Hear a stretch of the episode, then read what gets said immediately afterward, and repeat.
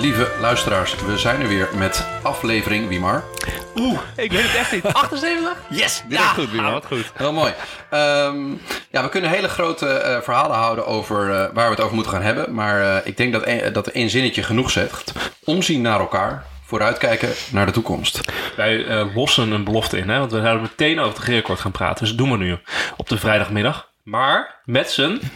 Tweeën. Ja. Ja, want eh, ehm, eh, onze correspondent in Groningen die, eh, die heeft een prachtig bericht ingesproken. Eigenlijk een soort van mini-column met een Groningse reactie op het regeerakkoord. Die gaan we straks erin gooien. Randy dus. Ehm, maar wie maar om even te beginnen. Wat, wat was je aan het doen toen het regeerakkoord uitkwam en wat was je eerste gedachte? Wat was ik aan het doen? Nou, ik stond in een BNR-studio. Ik, zou op, ik was op bezoek geweest bij een lobbypanel bij BNR. Haagse zaken. Het heet zaken doen. En dan heb je een lobbypanel, dus ik af en toe in. En toen eh, werd ervoor gevraagd. Ik zat er, was daarheen aan het gaan. En toen werd ik gebeld. hey, we krijgen nu snel bericht. Om half twee wordt het eh, coalitieakkoord gepresenteerd. Als je er toch bent, kan je dan niet vanuit een economische, financiële blik... gelijk dat akkoord lezen en toelichting geven hier live in de studio. Ik dacht, ja, dat kan ik doen, want ik ga het toch lezen. Dus ik heb op de BNR-studio samen met heel de BNR-redactie eh eh, eerste persconferentie gekeken en toen alles gelezen.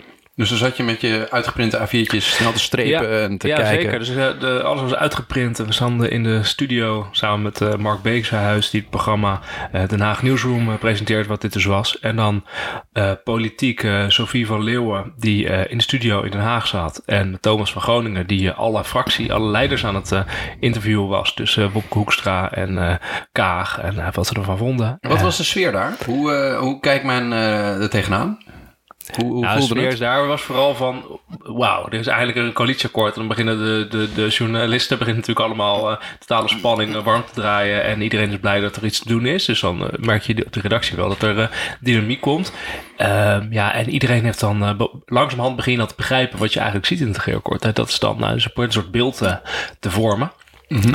en dat komt beetje voor beetje binnen. Dus dan af en toe roept er ineens iemand... Oh, de, de schuld van het nieuwe kabinet gaat boven de 60%. Wat vinden we daar eigenlijk van? Dat soort dingen allemaal. dat soort dingen allemaal. Dat is mooi. Ik en, zit echt en in een volledig andere bubbel. ja, nee, ik vond het wel grappig. Maar het is ook heel leuk om gewoon wat toelichting te geven op het gereerakkoord. Uh, daar. Dus uh, wat was jij aan het doen?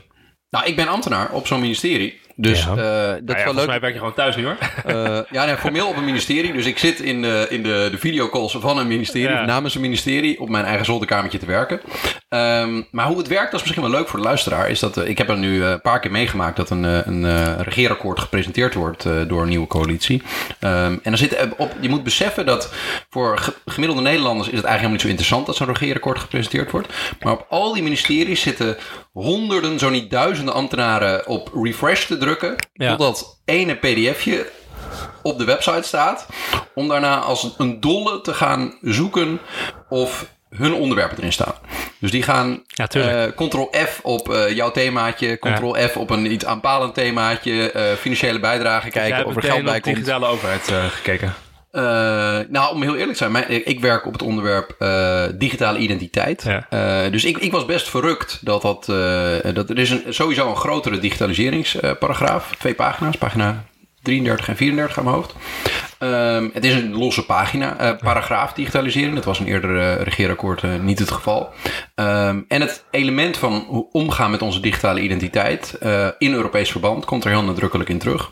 Als ambtenaar ben ik natuurlijk neutraal over wat ik daarvan vind. Maar je bent wel heel tevreden dat erin staat. Nou ja, het is, het is meer, als je een baan hebt, dan vind je het wel leuk dat de lui die het voor het zeggen hebben, het onderwerp waar jij je mee bezig moet houden, dat, dat, dat ze dat belangrijk vinden. Ja, natuurlijk. Dus dat, dat, dat geeft wel een soort. ja, kijk, als je op, weet ik veel, uh, rivierbeleid uh, in, op Oost-Texel, uh, als je daarover gaat en er staat niks over in, dan denk je toch van ja, dat vinden het niet ja. belangrijk genoeg. Nee, dat is natuurlijk waar. Dus ik heb inderdaad vooral gekeken eerst naar, naar het financieel, financiële bijlage, want dat doe ik dan meteen. Dus ik lees hem niet regeerakkoord. Ik ga gewoon meteen het budgettaire bijlage lezen, want dat is eigenlijk het belangrijkste. en de, een mooie de, de bijlage van de financiën, die lees ik dan meteen. Dat is echt vanuit natuurlijk Universiteit Leiden gedacht en vanuit Ecorus is natuurlijk vooral van hey, wat gebeurt er op mobiliteit en infrastructuur en op vergroening en zo. Dan ga je daar uh, naar kijken. Dus ja. Hey, zullen we onze correspondent in, uh, in Groningen gaan? Want wij hadden, misschien wel leuk om even te zeggen, we hadden met elkaar al bedacht dat de titel van dit, um, uh, deze aflevering zou zijn dat Rutte 4 oppositie voert tegen Rutte 1 en Rutte 2. En dat is eigenlijk de, de, de mooiste kern. Ja, dat is de mooiste want kern. Het, het, het, er, lijkt een soort pendule te zijn in onze politiek. En die is Ja. nu de andere kant op gegaan dan wat er in eh, Rutte 1 en 2 eh, is gedaan. En, en ja, daar kun je heel erg eh, eh, ja, hard over zijn. Of stellen dat mensen van mening veranderen dat dat verkeerd is. Eh, maar ik vind het wel heel interessant om te kijken naar wat er nou achter zit. En om dat een beetje te duiden. Dus laten we dat gewoon eh, gaan doen. En dat, ik wilde nog één laatste ding. Zo, eh, ik vertelde dat dus op die ministeries iedereen klaar zit. En wat ik ook erg leuk vind. Ik, je hebt allemaal ambtenaren die zijn echt heel goed in dingen vinden. Ja. Dus binnen, ik geloof, vier minuten had één iemand gevonden dat een heel groot gedeelte van wat er nu in het regeerakkoord staat overeenkomt met wat Mariette Hamer naar buiten had gebracht als eerste proeven van een concept van een eh, akkoord. Ah, ja, ja. ja. Ehm, dus alleen op een, een, een, een aantal cruciale thema's, en daar kan je dus ook aan zien van waar ze het de laatste maanden over gehad hebben. ja. Ehm, zijn er nog dingen gewijzigd of toegevoegd. Maar bijvoorbeeld op het onderwerp digitalisering kon je eigenlijk al eh, gewoon eh stukken tekst letterlijk terugzien. Ja, heeft mevrouw Hamer en eh, als eh, informateur en ook trouwens de commissie Borslap ziet trouwens ook en de, de eigenlijk Raad heel goed hebben veel werk invloed gehad. Ja. Die hebben eigenlijk heel veel invloed gehad en goed werk gedaan. En het is het raar dat die later weg zijn gezet van ja, het is niet gelukt. Want schijnbaar waren ze er inhoudelijk echt al bijna. ja. Dus gaat in Nederland hè, stapje voor stapje voor stapje voor stapje. Ja, en beeldvorm is alles. Precies. Ja. Zullen we naar eh, onze redacteur uit Groningen? We gaan ook oprecht nu eh, naar Correspondent. luisteren. Correspondent uit Groningen. Het- ik, ik wilde hem al het orakel uit het noorden noemen, maar dat vond hij niet leuk. Nou, Randy, Doe kom maar. toch. Let's go. Hey Wouter en Wiemar en natuurlijk luisteraars. Even een berichtje uit Groningen. Ehm, ik heb natuurlijk even naar de woningmarktparagraaf gekeken als eerste. Om het ook een beetje toch te focussen. En nou, daar staan toch ook wel weer een paar interessante dingen in. Eh, in de eerste plaats zeg ik het al helemaal fout. Want het is tegenwoordig volkshuisvesting. Dat heeft het CDA een poosje geleden al aangekondigd. Nou, ik vind het, ik vind het wel goed. eh, want eh, dat, eh, dat is eigenlijk wat preciezer. Want heel veel dingen zijn toch geen markt. In een, in een sector die zo bol staat van de overheidsregeltjes en reguleringen.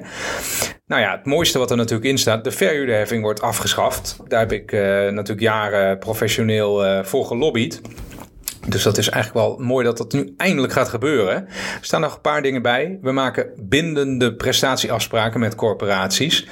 Eh, nou, daar zullen corporaties niet allemaal blij mee zijn. Die willen natuurlijk liever de handjes vrij hebben. Maar ik vind het allemaal helemaal niet zo, eh, niet zo gek. Want eh, als je zoveel geld vrijmaakt, dan wil je misschien als politiek ook wel een beetje invloed op wat voor huizen er dan gebouwd worden en wat er verder mee gebeurt. Wat het eh, coalitieakkoord presenteert als het belangrijkste punt is dat de woningbouw versneld eh, zou moeten worden tot rond de 100.000 woningen per jaar. Dat is nu iets van z- 70.000. En er staat erbij, we streven er naar tenminste twee derde van deze woningen eh, dat dat betaalbare huurwoningen en koopwoningen zijn tot aan de grens van de nationale hypotheekgarantie. Ja, dat is, dat is nog wel lastig hoor. Dan krijg ik toch wel een hele sterke hoe dan vibe. Ik begreep van informateur Remkes dat dat, niet, dat dat niet onderdeel was van de nieuwe bestuurscultuur om ook al te veel in het, eh, op het hoe al in te gaan in zo'n regeerakkoord. Eh, maar hier is het toch wel echt een, een ongedekte ambitie. Want de, de reden waarom heel veel koopwoningen, eh, nieuwbouwkoopwoningen zo duur zijn, is ook vanwege hogere eisen die eraan gesteld worden qua duurzaamheid. Dus eh nou, warmtepomp kost eh 20.000 euro. Nou, dus tel allemaal dat soort dingen maar op. Dus nou, dat is een ambitie waarvan ik denk, ja, eh, nog maar zien of die waargemaakt wordt. Verder wordt er zwaar ingezet op het bouwen van tijdelijke woningen voor spoedzoekers, arbeidsmigranten en daklozen. Eh 15.000 per jaar.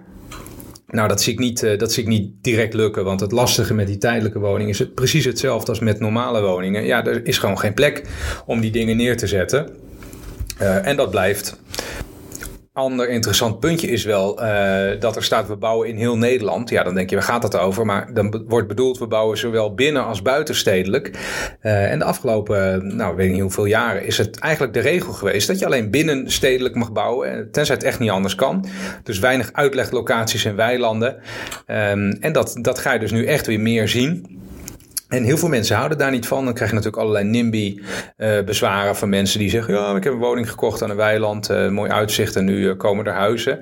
Eh, dus bereid je daar maar op voor. Een ander punt: een minister voor Volkshuisvesting en Ruimtelijke Ordening, een minister voor Vro, de From was dat natuurlijk vroeger. Dus dat emmetje, dat, dat is ergens anders gaan wonen. Ja, ik ben wel benieuwd. Ehm, de Kamer had natuurlijk een motie aangenomen dat opriep tot een ministerie van From. Dan kun je zien dat zo'n motie tegenwoordig best een betrekkelijk oproepje is. Want daar lees je verder niks meer over. Maar wel, wel een eigen minister. Een belangrijk inhoudelijk punt is dat er wordt geschreven dat die nieuwe woningen die moeten wel een beetje in de buurt van infrastructuur komen. En dat is wel een belangrijk punt, want uh, wat je de afgelopen jaren hebt gezien is dat heel veel gemeentes uh, nou, best wel veel huizen bouwen waar geen ontsluiting is. Ja, wel via de auto natuurlijk, maar echt in autoland. Dus je kan er alleen met de auto komen en dat zet heel veel druk uh, op de wegen. en nu wordt duidelijk de keuze gemaakt om te bouwen langs spoorlijnen. Dan komt natuurlijk ook de, de Lelylijn voorbij. Jullie snappen dat ik daar een groot voorstander van ben. De, de spoorlijn tussen uh, Lelystad en uh, Groningen. Daar wordt echt al twintig jaar over gesproken. En nu komt hij er dan eindelijk. En de propositie daarbij is natuurlijk ook dat er huizen langs die lijn gebouwd worden. Heel logisch, hadden ze twintig jaar geleden al moeten doen staat uh, nog wel een ander zinnetje wat echt nog wel heel veel discussie gaat opleveren. Namelijk dat corporaties grondgebonden woningen zouden moeten verkopen aan huurders om hun een uh, start te geven op de woningmarkt. Nou, dat klinkt wel heel aantrekkelijk als je zo'n huurder bent natuurlijk. En dat is het voor die mensen ook. Uh, in Engeland hebben ze dit ook gedaan. Het heeft daar echt wel tot een, tot een, ja, een decimering van de sociale sector geleid. er verdwijnen dus heel veel woningen op die manier. en corporaties zijn dan toch gewoon niet in staat om zoveel woningen ook weer terug te bouwen met dat, met dat geld. Omdat er gewoon geen locaties zijn, uh, bijvoorbeeld, of uh, andere beperkingen. Dus dat is echt wel een grote bedreiging voor de toekomst van uh, de sector. Ook al is het nieuws verder behoorlijk goed. Nou, misschien nog, nog, nog wat kleine puntjes. er komt een invoering van een verhuurvergunning. Een aantal steden die, die experimenteren daar al mee, zoals mijn, mijn stadje Groningen om malafide, malafide verhuurders gerichter aan te pakken. Uh, nou, dat wordt, nu, dat wordt nu landelijk ingevoerd. Um, de schenkingsvrijstelling van 100.000 euro, het jubeltonnetje, uh, wordt aangepakt. Nou, dat, dat lijkt me echt ronduit terecht. Ook toen dat werd ingevoerd, zei iedereen al: ja, hiermee overveet je uh, de woningmarkt alleen maar. Slechtst mogelijke timing bij de invoering. Zoals dat gaat met slechte plannen, verdwijnt hij dan nu weer. Conclusie, ja, dat is echt allemaal niet zo, niet zo verkeerd op papier. ik ben benieuwd naar de uitvoering natuurlijk, want daar hangt het ook allemaal vanaf. Um, maar op het vlak van volkshuisvesting zou ik zeggen, nou, voordeel van de twijfel, veel succes ermee. Over het voordeel van de twijfel gesproken, het viel me in het debat over dit stuk op dat de oppositie um, toch heel negatief erin steekt. En het is echt niet dat ik zo'n positivo ben, maar weet je wat het is? Dit zijn plannen. Plannen zijn altijd mooi. Er is echt geen uh, regering die met plannen komt die op papier al uh, ronduit vreselijk lijken. Hey jongens, bedankt dat ik even een bijdrage mocht leveren. Ik, ik ben benieuwd waar jullie allemaal op uitkomen. En ik, ik hoor het in aflevering 78. Tot ziens. Uh, hij heeft natuurlijk wel een aantal uh, punten genoemd waar je meteen denkt: hé, hey, dat is natuurlijk wel bijzonder. Waar we zelf in de podcast ook over hebben gehad. Namelijk dat er ook minister van Volksuitvesting zou moeten komen. Dat je verhuurderheffing moet afschaffen. Natuurlijk wel dingen die, nou ja, ik kan me ook voorstellen dat je wat meer eh, gaat vragen aan corporaties. als het gaat om energielabels en dergelijke. Um, dus eigenlijk ja, ben ik ook best wel positief over dat gedeelte van het regeerakkoord. Renny heeft gelijkheid ook de scherpe observatie dat nu echt de keuze wordt gemaakt dat we ook buiten stedelijk gaan bouwen. Mhm. Dus dat wordt wel een dingetje de komende jaren. Dat we dus nu gaan, eigenlijk gaan zeggen, we gaan landbouwgrond en natuurgrond opofferen voor woningbouw. Volgens uh, mij is daar ook al inderdaad de, de, van gezegd in het debat al dat het inderdaad vooral gaat over een aantal uh, regio's die aangewezen gaan worden mm om dat te doen. En uh, is het idee om dat inderdaad langs infrastructurele lijnen te Projecten doen. te doen. Ja, dat lijkt me ook wel logisch hè. Dat, dat je goede infrastructuur moet hebben. Ja, maar dat is inderdaad ja, dat is het, het lollige van zo'n polderland. Het is wel echt dat de overheid nu gewoon gaat zeggen van we nemen regie en we wijzen regio's aan. Daar gaan we proberen te bouwen. We gaan ook infrastructuur aanleggen. Ja, dat, is eigenlijk het revolutionaire. Dat, dat je dat centraal gaat doen. En ik weet niet of het revolutionair is, maar het is in ieder geval inderdaad een, uh, een, een, een, beweging van de, van de pendula. Dat zie je heel duidelijk terug.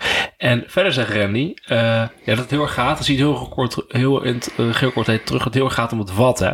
Dus wat willen we en wat hebben we voor over, financieel gezien. Maar de vraag, hoe gaan we dat nou precies doen? En hoe dit totaalpakket nou bij elkaar, wat gaat het doen met de economie? Wat gaat het doen met de arbeidsmarkt? Kan het wel uitgevoerd worden, het hele pakket? Dat weten we gewoon echt nog niet, want er is nog geen Doorrekening. doorrekening van het Centraal Nou, Planbureau van. het is ook nog wat anders, eh Wiemar. Kijk, Randy zegt heel terecht dat eh, de informateur Remkes reageerde om te zeggen dat de nieuws, nieuwe bestuurscultuur ook inhoudt dat het niet te veel moet gaan over het hoe we het regeerakkoord uit gaan voeren, maar vooral wat er eh, moet gaan gebeuren, dus Ja. plannen. Ehm, en dat is echt wel een verschil met het, het regeerakkoord van, van 2017 en, en van 2012. Eh, die, die herinner ik me allebei nog heel goed. Daar stonden echt op sommige domeinen gewoon hele concrete plannen in uitgegeven Ja. van we gaan met dat ding dat doen, precies zo. Ehm, en dit, dit is inderdaad meer op, op doelniveau. Dus het gaat echt onder de doelen. Ehm, En dat is ook niet uniek, hè? Het is misschien goed om te weten dat de die mensen die gebeurt moord altijd. en brand schreeuwen, eh, vooral economen, zeggen van dit kan allemaal niet. Eh, maar dit is vaker gebeurd. Dus inderdaad, eh, na eh, het regeerakkoord van Balken en de Vier, dus met CDA, PvdA, ChristenUnie uit 2007, 2007 volgens mij, of 2006, 2007. Dit dat was ook nog niet eh, doorgerekend. Dat, dan deze eerst een 100 dagen tour. Pas daarna werd het concreter gemaakt en werd het doorgerekend door het Centraal Planbureau. En zo hetzelfde hebben we gezien tijdens eh, KOK 1. eh, waar ook nog geen keuze waren gemaakt op de belastingstelselshervorming. Werd ook later doorgerekend. Dus het is niet zo dat dit, dat het, dat het nooit gebeurt. Het gaat altijd eigenlijk wel vaker zo. Maar neem niet weg dat dit echt wel. Mag ik even op, mijn, op de. eh, dat financieel dit echt. Of ook op gebied van overheidsfinanciën of begrotingsbeleid. dit wel een heel bijzonder regeerakkoord is. vertel, want dit, dit is wat jij eh, het belangrijkste vindt. Nou, beginnen we even met eh, maar wat gewoon. Kijk, dit kabinet eh, zegt dus eigenlijk dat ze de komende jaren 75 miljard euro willen uitgeven. En dat is ongekend veel. Nou, in totaal wel wat meer, maar je bedoelt 75 miljard extra uitgeven. Ja, dus Moet je 75 wel even goed miljard, is goed. 75 miljard euro extra ten opzichte van wat er al in het basispad in de pijpleiding zat, zeg maar. En dan dus, en dat gaat dus over de jaren 2022, 23, 24, 25. Dat is de, de, de jaren waarin ze dus die 75 miljard willen uitgeven. Eh, en zie je- Bovenop wat er dus Ja. uitgegeven zou zijn als je gewoon de boel laat zoals het is. Precies, dus precies daar bovenop. En dan zie je vervolgens dat er wel een opbouw in zit. Dat is ook wel begrijpelijk, want ze moeten nog de plannen uitwerken. Het gaat over het hoe en zo. Dus de, de grootste bedragen worden dan duidelijk in 2024, 2025, de tweede helft van de, van de, eh, van de regeerperiode worden uitgegeven. Eh, dan gaat het om 24, eh, eigenlijk al 25 miljard en eh 27 miljard. Ehm, en dat is natuurlijk wel echt heel bijzonder dat je zoveel geld uitgeeft. Dat laat ik wel zien dat, nou, twee dingen. Dat er blijkbaar toch wel al net over oppositie voeren van Rutte 4 tegen Rutte 1 en Rutte 2. Dat is wat je hier ziet. Dit is iets wat Rutte 1 en Rutte 2, als je dat daar had gezegd, dan hadden ze je wazig aangekeken. En ik denk dat Mark Rutte... zoveel geld uitgeven. Ma- Mark Rutte had een eh, motie van wantrouwen tegen het kabinet ingediend in 2010. dus dat dat nu kan, dat is ongelooflijk, natuurlijk. Het laat zien dat er een, een het, verandering is. het- de- de- gewoon het huishoudboekje op orde. Dat was een soort nationale doelstelling. Ja, ja, dat klopt. Dus het is echt anders. Ehm, en wat je ziet eh, is dat er toch wel gekozen wordt eh, voor een hele beperkte lastenverlichting van in totaal 4,5 miljard euro. En dat is nog wel bijzonder, want je ziet dat dus dit kabinet zegt bij elkaar van oké, we gaan de eerste paar jaar gaan we heel veel geld uitgeven aan lastenverlichting doen.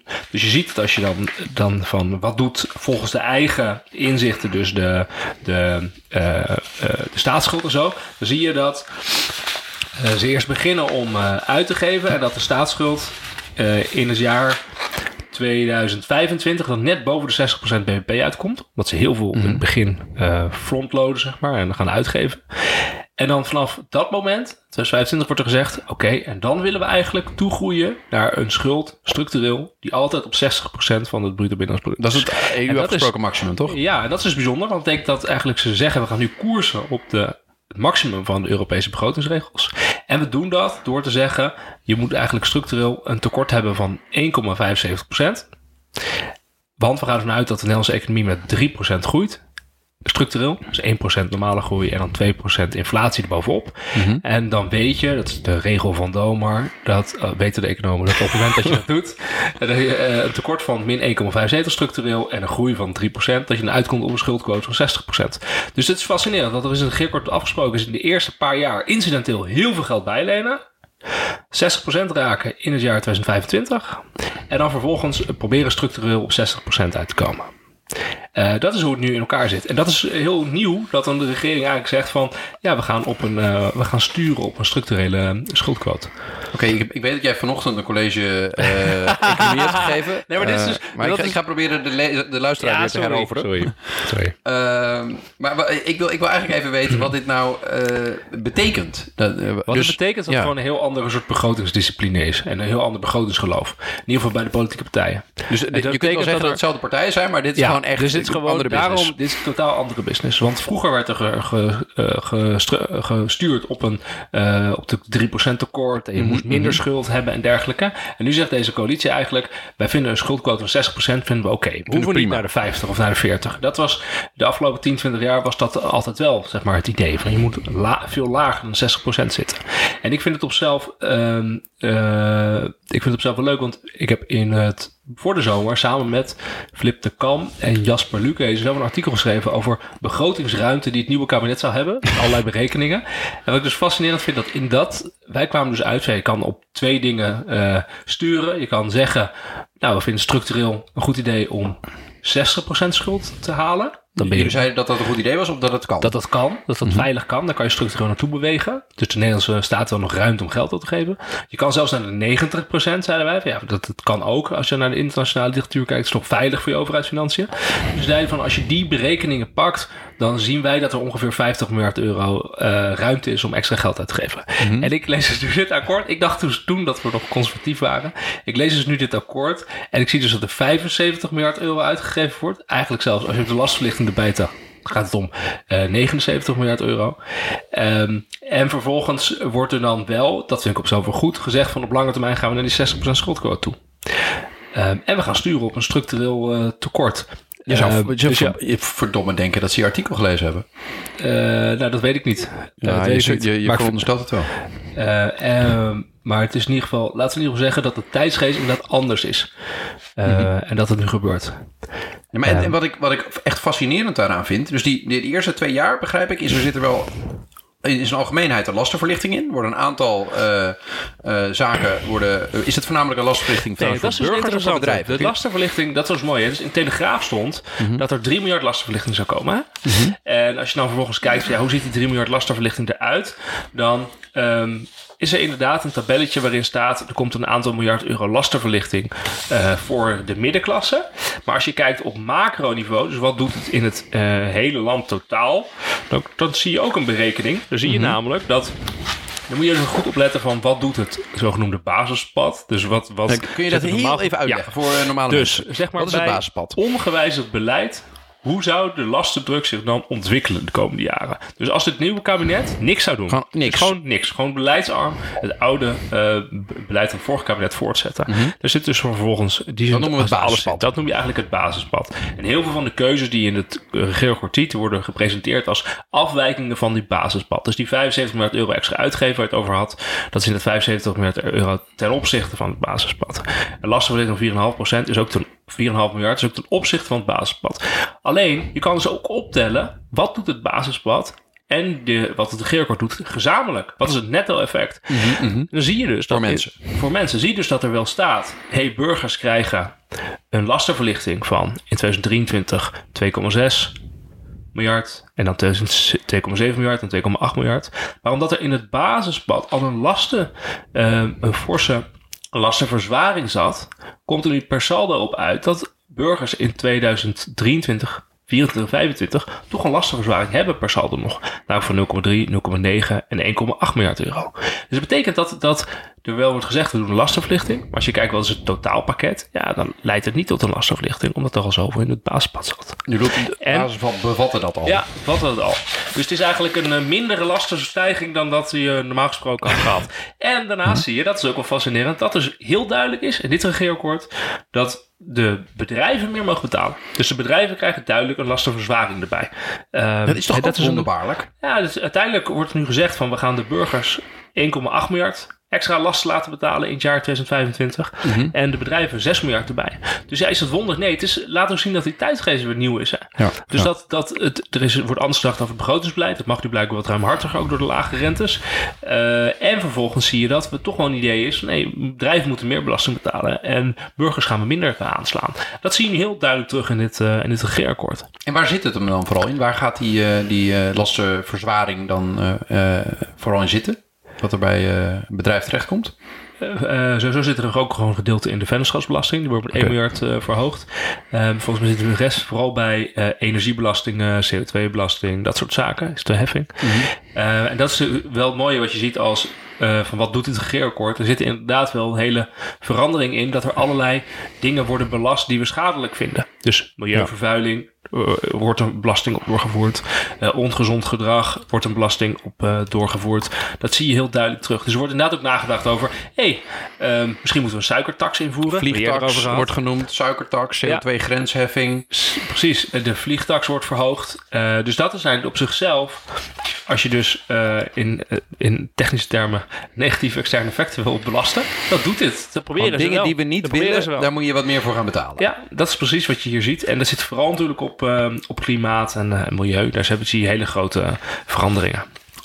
Misschien zullen we... Zullen we Zullen we nou nog één? Ja. Dan hebben we het meteen gehad. ja, jij met je Over- financiën? Eh. Nee, dan hebben we de discussie over de zorguitgaven. Er is nu heel veel Ja, discussie. ja, daar, gaat, de- daar gaat het dus debat nu vooral Ja, daar over. gaat het debat nu over. En wat, Daar wil ik wel wat men over nou zeggen. slecht of wat is Ja, omdat je ziet precies wat er gebeurt. Namelijk dat ehm, je kan dus afwijkingen ten opzichte van de basispad die je zelf realiseert, kan je dus in je voordeel uitleggen of in je nadeel uitleggen. Mhm. Dus ik vertelde net, het, de regering zal zeggen, wij doen een lastenverlichting ten, ten voor burgers. Maar dat is dan ten opzichte van een basispad en per saldo dus eigenlijk lastenverzwaring. Maar ze zeggen, we doen een lastenverlichting. Hè, want dat kan je ook zeggen. Hè? Ehm, vervolgens zie je nu dat eenzelfde redenering zie je bij de zorguitgaven. Namelijk, de zorguitgaven die stijgen gewoon nog steeds door dit kabinet. Die stijgen met Ja, 6 we zitten- miljard we euro. zitten in de pandemie en 8 mensen worden steeds euro. Precies. Dus tot, tot het jaar 2026 gaan die zorguitgaven gewoon best wel fors stijgen. Echt fors. Wat zegt de regering nou? Oké, weet je wat? Ze stijgen ehm, eh, met behoorlijk wat. En wij willen eigenlijk die stijging wat afminderen. Hè? Wat verminderen. Afvlakken. Afvlakken. Dus minder groei. En dat is in lijn met wat de Wetenschappelijke Raad van Regeringsbeleid adviseert. Heel veel andere partijen. Van oké, de zorggraaf moeten wat mee doen. Dat doen zij vervolgens. Maar zeggen dan vervolgens de, eh, de, de oppositiepartijen zeggen... Ja, nee, maar dit is een bezuiniging. Dus de coalitie zegt, hey, dit is een, eh, dit is, we houden een groei van zorguitgaven, dus het valt allemaal wel mee. Het is minder meer. En de coalitie zegt dan, nee, er wordt bezuinigd op de zorg, eh, op de zorg want die zou normaal gesproken zou die 100 miljard worden en nu wordt die maar eh 95 miljard euro wordt er aan uitgegeven. En zo zit je elkaar dus te- allemaal te bevechten Maar met dit, dit, afwijkingen. hier heeft toch helemaal niemand wat aan, aan dit, deze discussie? Nee, dit is zeker een soort gevecht om de beeldvorming. Het is een gevecht om de beeldvorming op basis van die, van die technische cijfertjes. Dat is precies wat er gebeurt. En klopt, uiteindelijk, eh, ik vind, moet eerlijk zeggen dat ik het... Het is gewoon wel zwak natuurlijk als je zo'n debat voert. Ehm, Bedoel je dat het nou, dat je zwak is probeert van de beeldvorming te kapen door op zo'n manier... Ja, ik vind het zwak van de oppositie. Ik vind het overigens ook niet helemaal fair dat, een, eh, dat de coalitie zegt... we gaan een lastenverlichting geven voor burgers. Terwijl eigenlijk ziet dat per saldo er niet komt. Mhm. Ehm, dus de, de, de- allebei de partijen die, die gebruiken natuurlijk gewoon... eh, ja, wat, ze- wat ze hier er positief uit kunnen halen voor de beeldvorming. Ja, ja, ja. Ik wil eigenlijk even naar eh, ja, ons, ons eh, hoofdstatement van Rutte 4, die oppositie voert tegen Rutte 1 Ja, en 2. fantastisch. Want eh, dan kunnen we daarna even duiden wat het überhaupt betekent. maar mag ik, vind, ik, ik, kan, ik kan zo even een lijstje opnoemen met dingen die, die Rutte 1 en 2 echt eh, of onaanraakbaar vonden of hebben ingevoerd. Ja, hypotheekrenteaftrek. Ehm, daar, daar wordt niks over gezegd. nee. Dat schuiven ze even vooruit. Dat vind ik spannende. Ja, wat, wat denk jij? Of durf je niks over te zeggen? wat Eh, denk jij? nou, ik, ik, nou ja, ik durf, ik durf al te zeggen dat... eh, nee, dat is niet mijn beleidsterrein, mag ik over babbelen. Ehm, de, dat de VVD dit nog niet aandurfde. Ik denk dat het gewoon eh, niet aangekondigd is, omdat men weet dat om steun te krijgen uit het Europese herstelfonds, dat je dan moet Ja, dat- dat- dat aankondigen punt, dat, je daar, dat je hypotheekrenteaftrek wil, eh, wil hervormen. Hè, dat is een beetje de eis die Nederland zelf op tafel heeft gelegd. Wil je geld uit het Europese herstelfonds, dan moet je wel je de economie hervormen. Dus de Nou, nee, er Europese nee, Commissie... zo werkt niet meer. Er Oh. zijn country-specific recommendations, Ja. dus aanbevelingen vanuit de EU die opgevolgd moeten worden om aanspraak te maken op dat Recovery and Resilient Fund. Ja. En bij Nederland zit de, eh, de- het eh, afbouwen en af- afschaffen uiteindelijk van de hypotheekrenteaftrek daarbij. Ja. Eh, dus, maar het, het lastige is dat.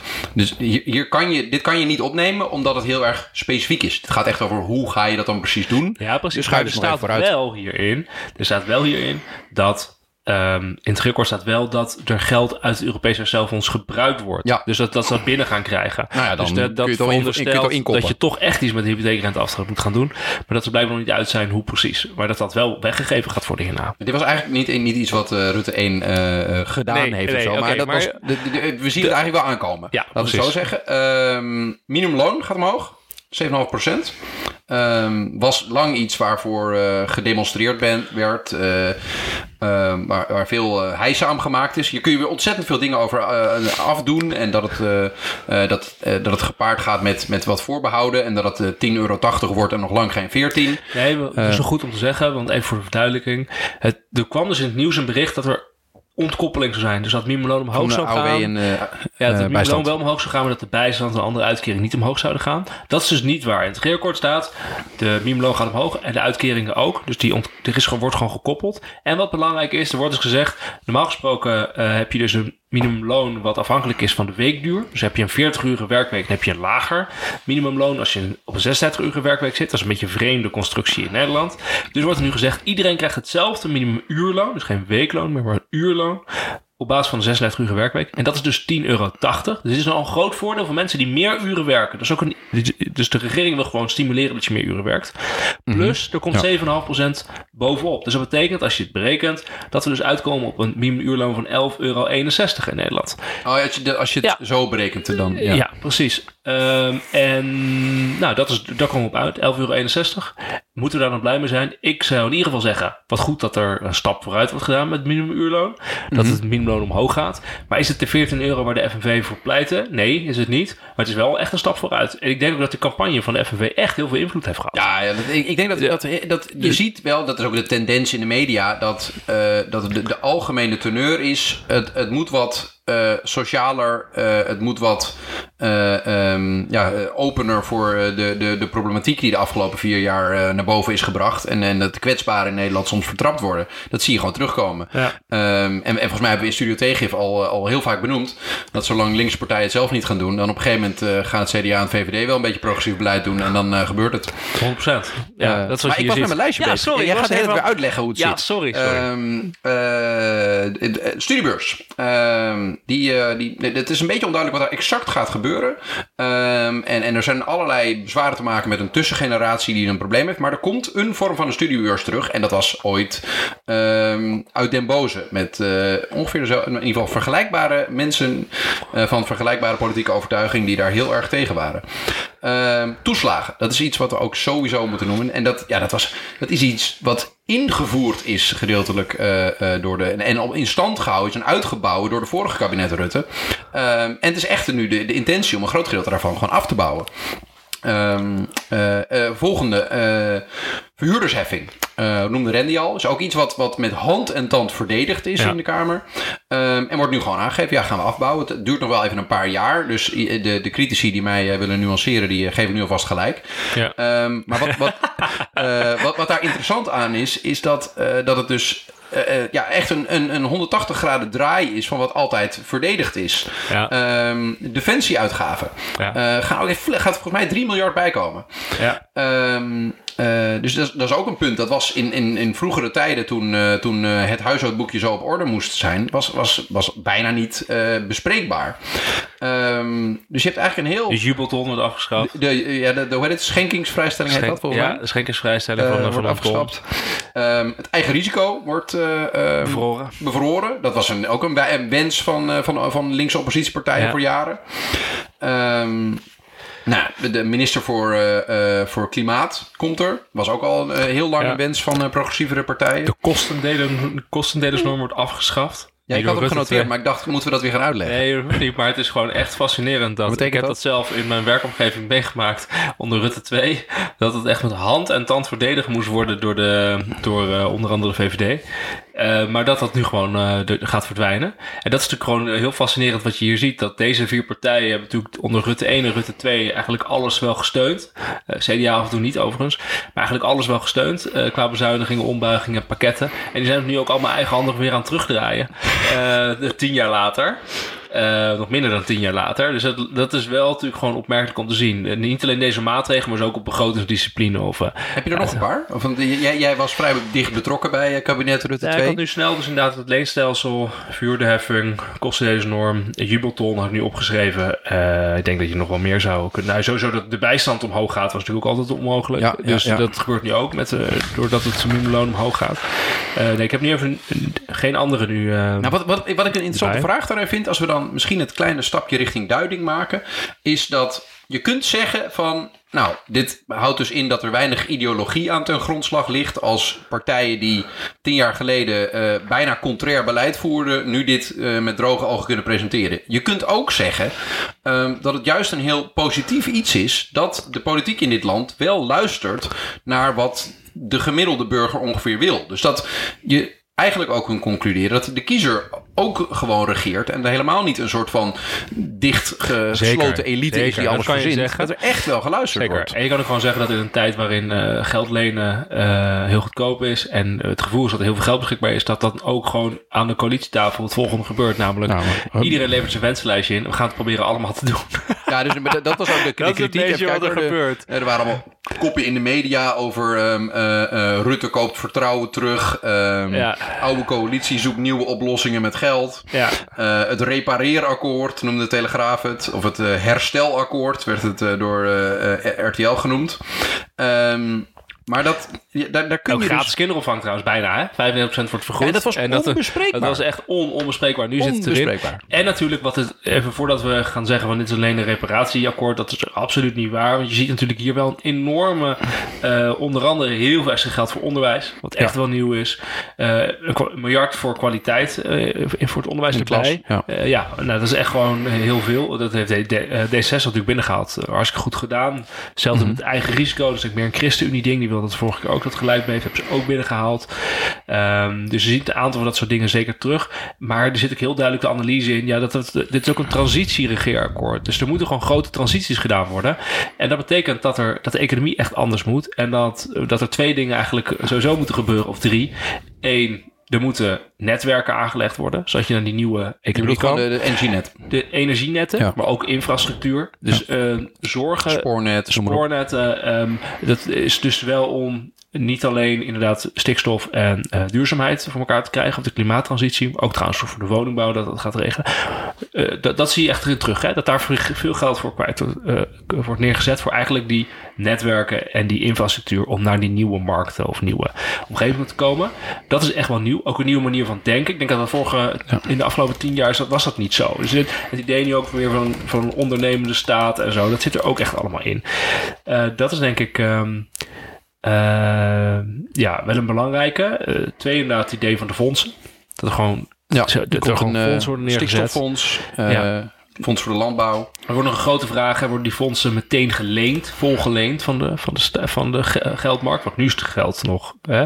Obligaties is nog wanneer, negatieve wanneer rente. Ga je wanneer ga je eigenlijk lenen? En hoe komt er uitkering uit die fonds? Want het is zo'n fonds van 25 miljard en van 35 miljard, hè, de stikstof- en klimaattransitie. Ja. Um, en vervolgens wat je ziet is, en dat is natuurlijk ook wel belangrijk, dat er heel erg dus wel wordt ingezet op, op belasten van, uh, van uh, ja, milieuvervuiling, stikstof en dergelijke. Mm -hmm. En dus het idee van er is geld nodig, is eigenlijk ook meer ja, kijk, om als je, uit te kopen. Hè? Dus je gaat gewoon oude verdienmodellen moeten, moeten, er gaan gewoon heel veel boeren uitgekocht worden. Ja, en uh, er gaan gedeeltelijk gebruikt wordt voor stedelijke omgeving en gewoon bouw, buitenstedelijk. Ja. En voor stikstofvermindering en dus ja, andere doelen. Dus dan kan je aan natuur denken. Ja, en ik denk zelf dat, ik vind de begroting van het ministerie van, hoe heet het nu? Dus niet meer economische zaken, maar... Op dit moment heet het EZK. Hoe heet het? Gaat het natuurlijk nu ook weer heten? Dat staat er niet in. Klimaat en... Uh, nee, dat, dat, dat, dat, moet nog eventjes gezien worden. Hoe, uh, hoe, dat allemaal, uh, hoe de, de postjes en de portefeuilles verdeeld gaan worden. Um, maar er zit wel, kijk, het is heel duidelijk dat daar, ik ga er even naartoe uh, bladeren hoor, dat daar een enorme hoeveelheid, uh, een enorme hoeveelheid investeringen in zet om dus de economie te vergroenen. Ja, maar dat, wat, wat, dat is echt ongekend. Dus, dus de, de, uh, je kan zeggen, inderdaad zit heel veel bij onderwijs, maar is ook heel veel bij eigenlijk een soort nieuw, bijna superministerie als het gaat om economische zaken en, economische zaken. gewoon het ministerie van duurzaamheid ja. het kunnen noemen. En wat mij heel erg opviel is bij de ja, precies. Wat mij erg opviel bij de presentatie van het Geerkort is dat Kaag zo duidelijk zei: de kernenergie gaan we doen. Dus dat D66 dat echt gaat doen. Dus mijn gevoel is dat Kaag gewoon de minister gaat worden van dit ministerie. En gaat proberen dit te regelen. Maar dat is een, een gevoel. Ik kan niet ontkennen dat het gevoel mij ook bekroop toen ze de duurzaamheidsmaatregelen Omdat je dan ook in de heftig aan het verdedigen was. En dergelijke. Maar dat, misschien heb ik het... Uh, maar laat, mag ik heel even Wiemar? Want uh, je wil, je wil, Wiemar zit hier te bladeren door al zijn aantekeningen met cijfertjes bij ieder getal in het regeerakkoord. En dat vindt hij ontzettend leuk. um, we hebben ook een beetje mensen nodig die de duiding van het grote geheel een beetje op zich nemen. Ja, als jij dat even doet. Um, en dat eigenlijk is het. Uh, de, je had het regeerakkoord ook kunnen noemen. Uh, uh, de overheid is terug. omdat Yo, big government is back. Ja, nou ja, nou, nou ja je hoeft het niet big te noemen, maar gewoon. Nou ja, um, je, je, zou het ook kunnen samenvatten als het doet ertoe. Dus we hebben een tijd lang een overheid gehad die heel vra heleboel vraagstukken wilde oplossen. Um, door zich erbij weg te houden of door uh, slechts met kleine fiscale maatregelen dingen te tweaken. En dit regeerakkoord ademt in heel veel van de doelstellingen, want het, het hoe wordt niet altijd al, al ingevuld, um, dat de overheid zichzelf heel veel zaken tot zorg gaat maken. Dus dat we een hoop problemen, waar, we uh, onder een heleboel genoemd hebben, dus de complexiteit in de zorg, uh, de complexiteit in het vastlopen van veel elementen van ons onderwijs, onze woningbouw, onze klimaattransitie, onze stikstofproblematiek, dat dat allemaal problemen zijn waar we een sterke collectieve sector voor nodig hebben. En dat is een draai ten opzichte van de, de kabinetten die we, die we hier voor gehad hebben. Waarbij het de bedoeling telkens is geweest om met kleine beleidsmaatregelen daar de boel een beetje bij te sturen. En dit is denk ik de eerste keer dat deze vier partijen erkennen van... oké, wij moeten hier gewoon een soort industriepolitiek opvoeren. Uh, we moeten de markt stimuleren en we moeten de markt zelfs leiden in bepaalde richtingen. Um, en dat vereist ontzettend veel leiderschap op centraal niveau. Kunnen we niet decentraliseren. Ja. Um, ja, zeker. Dus het geeft, het is echt, dus ik weet niet inderdaad of het alleen grote, de grote overheid is. Want het is dat de overheid gaat geld uitgeven, wat dan vervolgens uh, door de markt gebruikt moet worden om allerlei taken uit te voeren. Ja, met al die fondsen. Al die, al die fondsen, al die infrastructuurprojecten, al die netwerken. Maar het is inderdaad, de overheid is wel terug, niet als ondernemer, wel als die stuurt van dat gaan we nu doen. Die ja, weer richting gaat geven, die regie, uh, leiding. Uh, leiding geeft. Ja, dat is wel uh, dat is echt heel bijzonder. Ik vond dus heel mooi om te zien dat er een hele rits met dingen stond als van, nou, we gaan investeren in uh, waterstofinfrastructuur, infrastructuur en de laad uh, infra voor de elektrische autootjes. we gaan de groene industrie gaan we stimuleren. Dat, dat het echt gewoon, ja, dat er gewoon dat, gekozen dat wordt. dat gaan sector. doen. Van, die, die, die sector komt van, laat dit nou niet allemaal op zijn beloop en hoop dat de markt zijn werk wel doet, maar geef richting als overheid ja. met doelstellingen waar we je aan kunnen houden. Ja, en ik denk tegelijkertijd dat dat dus zo'n verandering is met de afgelopen 20, 30, misschien wel 40 jaar. Dat het voor ons ook heel lastig is om te, om te, te beseffen wat dit nou eigenlijk gaat betekenen. Of hoe dit, want ja, daarom is die oppositie op dit moment ook zo kwetsbaar. Want ik, ik heb in debatten zitten uh, kijken. En wat je ziet is dat er heel veel um, uh, gehamerd wordt op de interpretatie van de plannen. Dus, ja. dus, is het nou een lastenverlichting of een lastenverzwaring? Ja, het is net hoe je het basispad interpreteert. Ja, um, uh, dat zijn eigenlijk gewoon, dat snappen normale mensen niet. Maar dat is de bedoeling om daarmee punten te scoren voor een bepaalde kiezersgroep. Vanuit de, de laten we zeggen, de, de, de radicaal rechtse hoek is het, hoor ik eigenlijk alleen maar gewoon trommelen op hetzelfde trommel waar de afgelopen vier jaar op getrommeld is. Uh, dat migratie naar de ellende gaat en dat uh, de Nederlandse nationaliteit ja. verloren gaat. Ja, en uh, als, we, als ik iets weet van, van, van de mensen die daar staan, die kennen dat verhaaltje wel. En die kunnen zich er prima tegen wapenen. Dus dat, als dat de kritiek is die men krijgt, die, die hebben ze vooraf al uitgetekend en zijn ze niet zo bang ja, voor. maar ik vind het, ik ben best wel positief eigenlijk over dit regeerakkoord. Je kan kritiek hebben, maar het is wel ja. een, een regeerakkoord waarin gekozen wordt van we gaan inderdaad wat doen, we gaan een richting op, we gaan een standpunt innemen. Ik, wil, en, ik wil tot slot ook nog een voorbehoudje maken hoor. Dat, ja? ja, we moeten niet alleen en maar ik vind klappen. het wel goed dat... Nee, dat is goed. Maar ik vind het wel... Uh, kijk, dat, dat wordt gekozen, we gaan het wat. Hier, hier gaan we naartoe. En we zijn bereid er middelen voor, te, voor heel veel middelen voor uit te trekken. Voor ons komt inderdaad... Ja, de grote vraag is natuurlijk hoe precies. Dus ik hoop dat dat het komende half jaar of iets dergelijks echt wel uitgewerkt wordt, dat het alsjeblieft ook bekeken kan worden door een onafhankelijk instituut, zoals het Centraal Planbureau of het Planbureau voor de Leefomgeving, wordt ook gezegd. Hè? En Mhm, dat je kan ja. kijken of dit geheel van pakket, of dat nou leidt tot wat je wil. Al denk ik eigenlijk dat het zo groot en zo veelomvattend is, dat eigenlijk zelfs de planbureaus geen ehm, voor het zelfs voor hen heel lastig is om te bepalen wa- wat dit nou gaat doen. Want het is zo'n radicaal Misschien is dat wel prima. programma. Ja. Misschien is dat wel prima als, als laten we zeggen, ook ehm, ideologie een klein beetje terug is. Dat je dus als, als bewindspersoon en het kabinet ook durft te zeggen... ik doe dit, ik neem de leiding, ik neem de verantwoordelijkheid omdat het goed is. Ja. En u kunt rekenen wat u maar wilt, maar dit is het juiste. En reken mij er maar op af. Dat, dat is denk ik wel waar mensen eh, eh, een soort richtinggevend leiderschap waar mensen behoefte aan hebben. Ehm, dus, dus ik denk dat je, als dat het is, hè, en we moeten Ja. echt wel een hele grote als praten. En ik wil even een. een Ja, wat is jouw voorbehoud? nou, voor mijn voorbehoud is eigenlijk, dat dat is een beetje de samenvatting van wat we eerder al zeggen, is het gaat allemaal om uitvoering.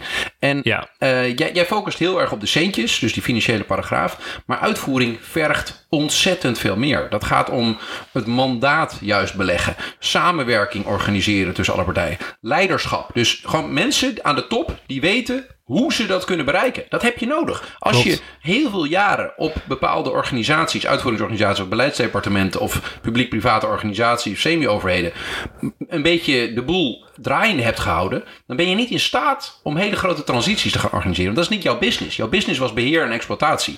Dat gaat heel spannend worden. Dus de competentie en echt willen begrijpen wat een bepaald probleem in de maatschappij is en een systeem zo efficiënt en effectief mogelijk organiseren om dat probleem aan te pakken. En dat is heel wat anders dan te zeggen, we gaan een miljard aan hupseflups uitgeven. Zeker, aan, dit aan is toch het makkelijke gedeelte, zeg ik. Bij dit regeerakkoord maken is het al- allermakkelijkste Ja, gedeelte. precies, dit is een beetje En ik ben het ga op vakantie en ik, en ik reserveer 2000 euro. Precies, ik ben het helemaal met je eens. En ik denk ook, eerlijk gezegd, dat ik heb het nu over die 75 miljard, gaat niet uitgegeven worden.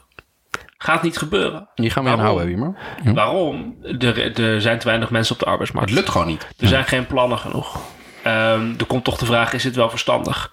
Eh, dus ik denk dat dit geld er niet uitge- eh, uitkomt. Of, eh, de- dit gaat niet geïnvesteerd of uitgegeven voor de komende jaren. Het is gewoon veel te veel.